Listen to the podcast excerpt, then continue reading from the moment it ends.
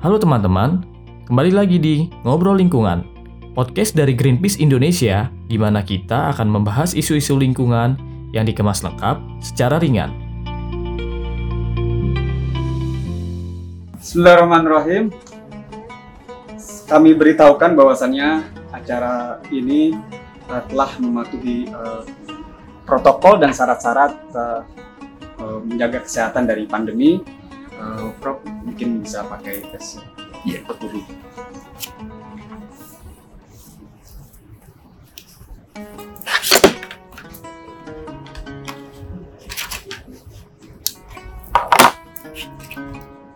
Oke. Ya.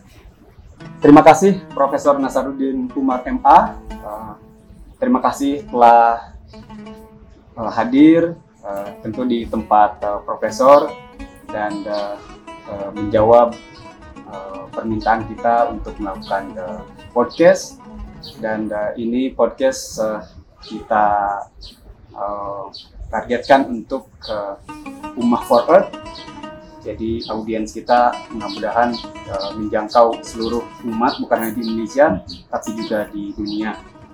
Uh, Profesor Nasaruddin ini semenjak Profesor menjadi imam besar Masjid Istiqlal, sebagaimana kita ketahui, sobat muda ya, banyak sekali perubahan yang signifikan, yang positif, uh, yang fenomenal itu ada dua hal menurut catatan kami. Yang eh, pertama adalah dibangunnya terowongan penghubung di antara katedral dan Masjid Istiqlal.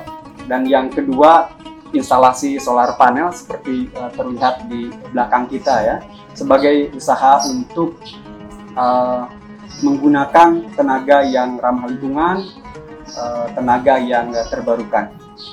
Nah, eh, Profesor Nasaruddin, eh, kami ingin tahu inspirasi dan juga bagaimana prosesnya sampai Profesor Nasaruddin uh, apa punya gagasan dan juga mengimplementasikan penggunaan tenaga surya ini. Silahkan Prof. Iya, baik. Pertama tentu saya juga berterima kasih kepada eh, pemerintah ya menunjuk saya selaku imam besar di Masjid Istiqlal. Waktu itu tidak pernah saya juga mimpi pun juga enggak untuk menjadi imam besar. Saya mau ke Bogor ceramah di IPB tiba-tiba disuruh balik kanan karena akan ada pelantikan. Ya belakangan eh, grade imam besar itu tadinya di bawah Kementerian Agama ya. Sekarang ini langsung dibawa eh, presiden. Jadi kita punya eh, kepresnya dan kita juga punya peraturan presidennya. Dengan demikian eh, struktur imam besar itu langsung dibawa presiden. Dengan demikian ada otoritas yang bisa kita lakukan. Dan saya juga bersyukur sekaligus berterima kasih juga kepada Bapak Presiden Pak Jokowi ya memberikan kepercayaan kepada kami bersama teman-teman untuk memikirkan istiqlal yang bernuansa masa depan.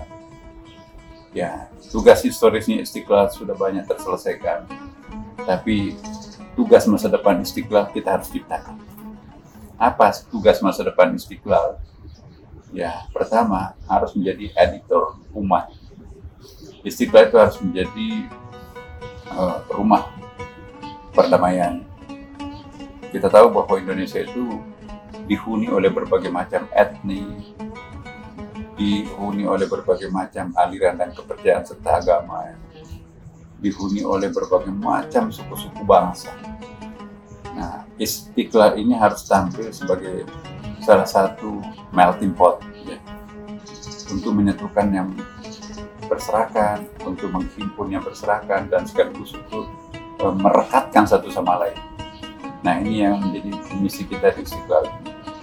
Jadi bukan hanya mempersatukan sesama umat Islam yang selama ini sering gontok-gontokan, yang sering yang sering ah, konflik-konflik lah. Iya. Tetapi sesama umat Islam harus solid, tapi sesama warga bangsa pun juga harus memiliki uh, solid. Nah karena itu obsesi kami ke depan Istiqlal ini harus tampil sebagai rumah besar untuk bangsa Indonesia, wabil khusus umat Islam. Saya ingin sekali bagaimana Istiqlal ini uh, menjadi tempat untuk menjadi solusi terhadap berbagai macam persoalan, baik itu persoalan psikologis maupun juga persoalan non psikologis sifatnya. Nah karena itu kami berobsesi bagaimana bersama teman-teman di Masjid Istiqlal ini. Pertama kita tampilkan masjidnya dulu yang harus sehat. Ini baru-baru ini ada peneliti ya, uh, dari lembaga punya laboratorium kimia. Alhamdulillah satu pun di sampel-sampel dalam masjid ini tidak ditemukan uh, virus corona itu COVID-19 nggak ada di sini. Padahal ini kan sudah mulai dibuka secara terbuka. Nah, mereka juga sangat uh, terkagum-kagum. Dites sekali lagi apa benar. Ternyata temuannya juga belum ada. Dan apa faktornya? Kok kenapa bersih lingkungan istiqlal ini? Karena pertama kita nggak ada dinding Istiqlal itu nggak ada pintunya, nggak ada dinding. Jadi angin keluar masuk, nggak ada AC-nya juga, tapi dingin kan terasa. Nah itu bisa menjadi penghemat listrik itu ya, karena dindingnya itu tidak ada ya, kemudian juga eh, anginnya bisa masuk ber, dari berbagai macam pintu dan udaranya pun juga segar serta pencahayaannya pun juga terang. Ya, jadi kita nggak perlu listrik untuk penerangan di siang hari di apalagi kita lihat di sini kan. Semuanya cahaya bisa masuk utara timur selatan.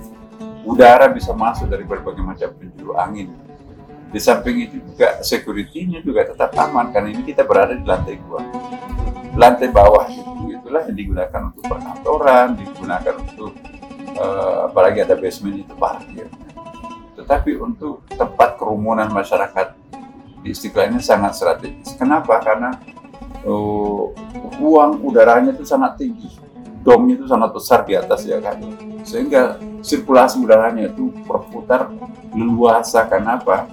Langit-langit itu sangat tinggi, lima lantai tapi lubang tengahnya kan.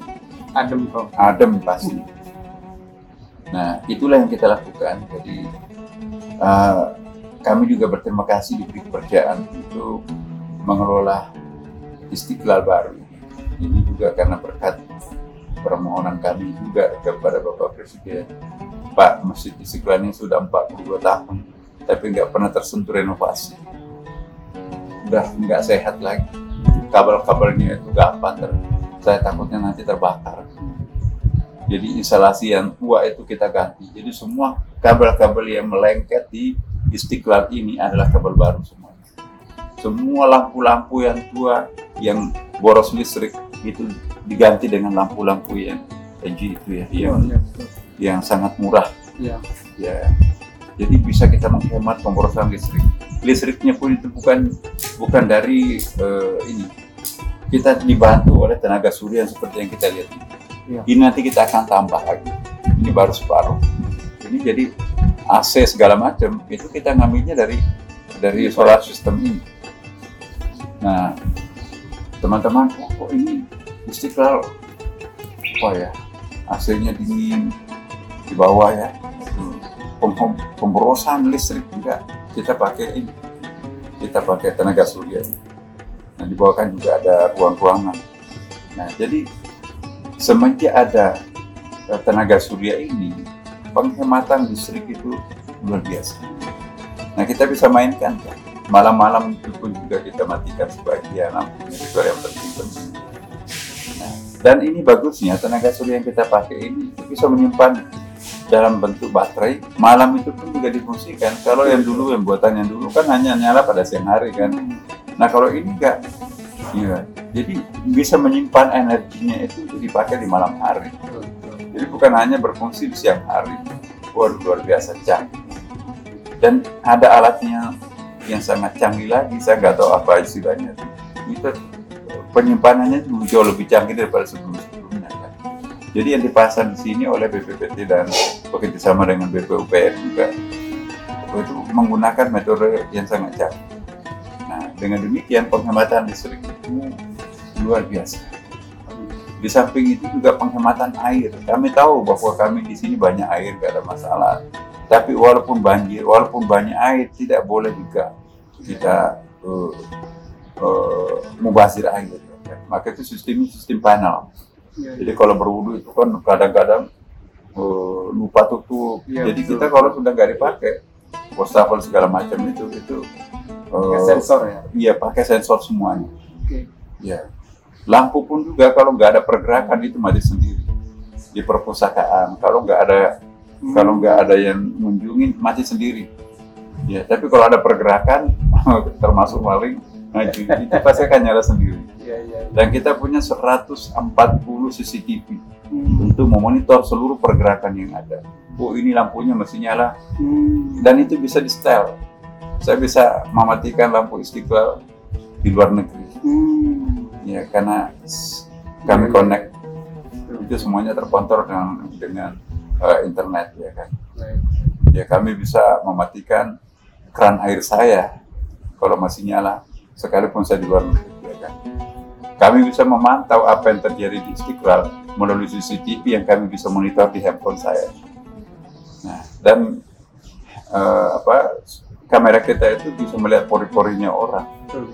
Ya, sepanjang siklus sekitar Istiqlal ini itu bisa tahu nomor plat mobil siapa ya bahkan bisa melihat orang-orang yang bersembunyi di Monas itu pun bisa karena kamera kami di puncak menara masjid itu bisa me- me- ada telelens yang sangat canggih gitu ya maka itu kami juga bekerja sama dengan pihak kepolisian dan tentara ya Eh, kami juga tidak ingin eh, apa ya melakukan atau menggunakan hal yang di luar kapasitas istiqlal itu. Baik, baik, baik. Nah, jadi yang paling penting juga di istiqlal ini ya, perlu lingkungannya sangat ramah.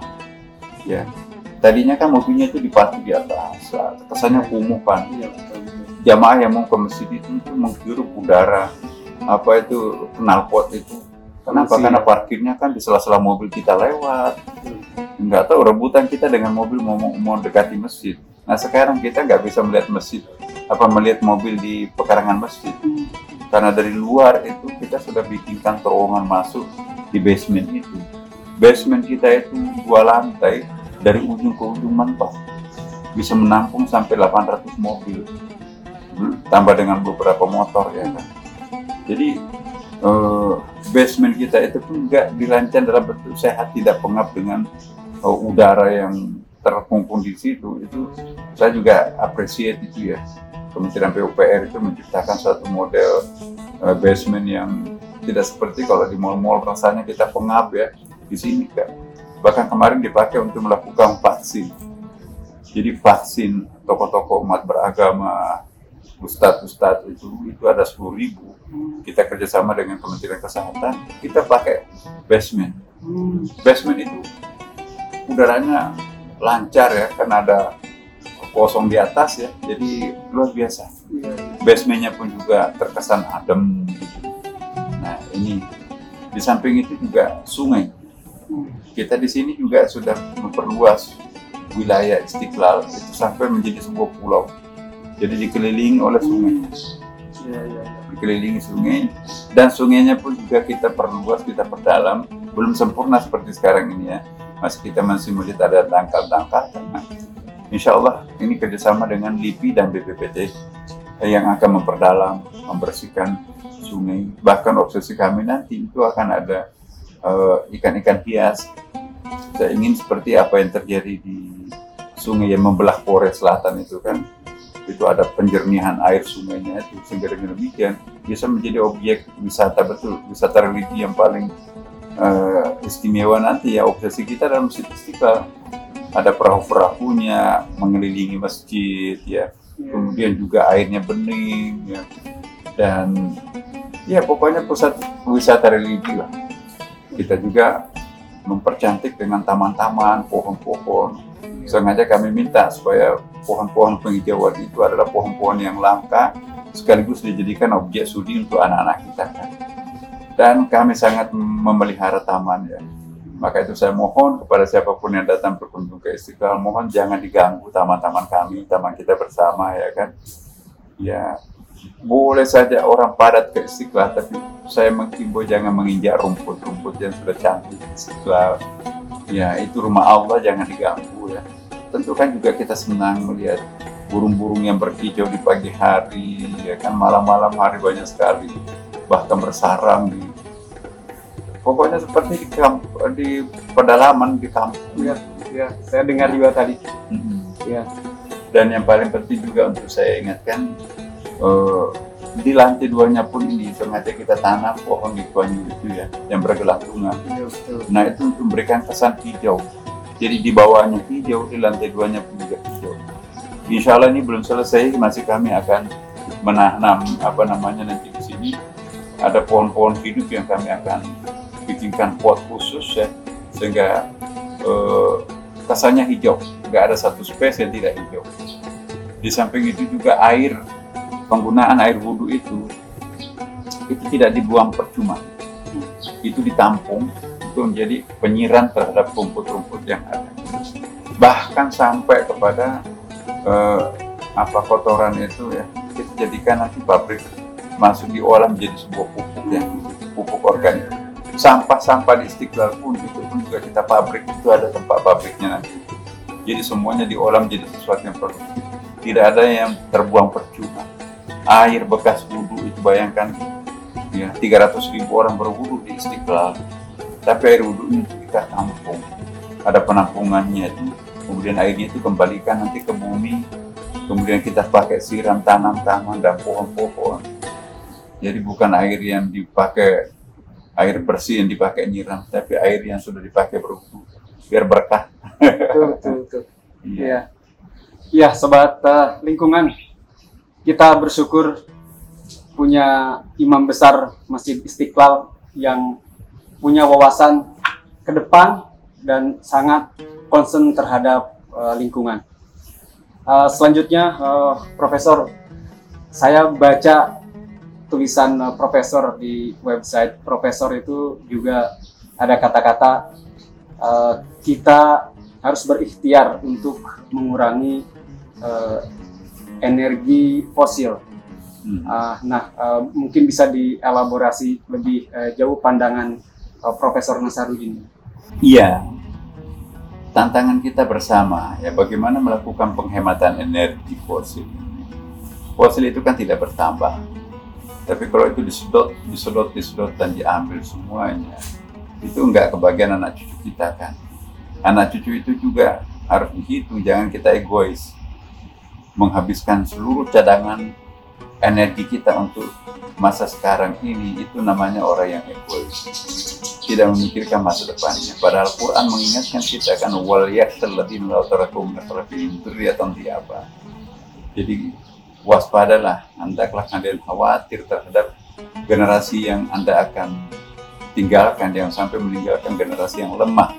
Dzurriyyatan apa artinya ayat ini anda tetap harus memelihara kesinambungan generasinya yang eh, kokoh ya kan? Inna khaira man istajarta al qawiyul amin. Tenaga yang bagus untuk bekerja yang harus diproduktifkan nanti. Yang pro ya tenaga yang perlu kita persiapkan itu adalah al qawiyul amin. Yang tapi yang energik yang kokoh itu kan al qawi tapi al amin terpercaya. Jadi fisiknya kokoh mentalnya juga kokoh Nah kalau hanya fisiknya kokoh, pikirannya cerdas, tapi mentalnya keropos, bisa korupsi. Ya kan, bisa manipulasi alam raya segala macam kan. Nah, jadi kami ingin betul, janganlah pernah kita melakukan eksploitasi alam melampaui batas amban daya dukung. Sebab itu nanti yang korban bukan hanya alam itu sendiri, generasi kita akan datang juga akan korban. Maka itu saya menghimbau dengan kami memulai dari Masjid Istiqlal. Istiqlal harus mengajari umatnya untuk melakukan penghematan. Kami punya sistem panel sendiri.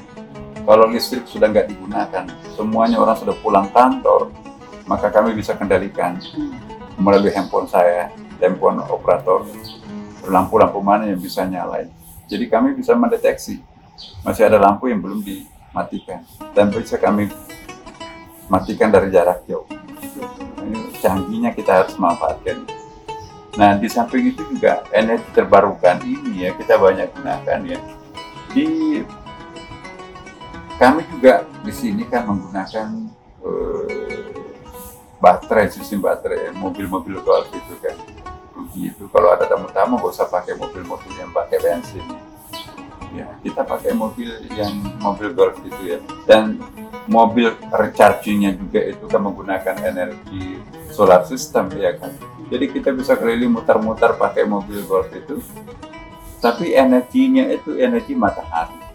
Jadi nggak ada pembakaran uh, dalam bentuk bahan bakar bensin ya segala macam nah pokoknya kita harus me menghemat sehemat-hematnya fosil-fosil ini sebab itu adalah warisan itu bukan hanya untuk kita tapi juga untuk berbagi dengan generasi kita akan datang ya insya Allah kami juga mohon bantuan teman-teman dari Greenpeace ya. berikanlah masukan yang terbaik untuk kami kami insya Allah akan mengapresiasi dari mana pun datanya informasi yang memberikan uh, apa ya katakanlah nasihat kepada istiqlal itu pasti akan kami akomodir. Nah, itu tadi bahasan kita.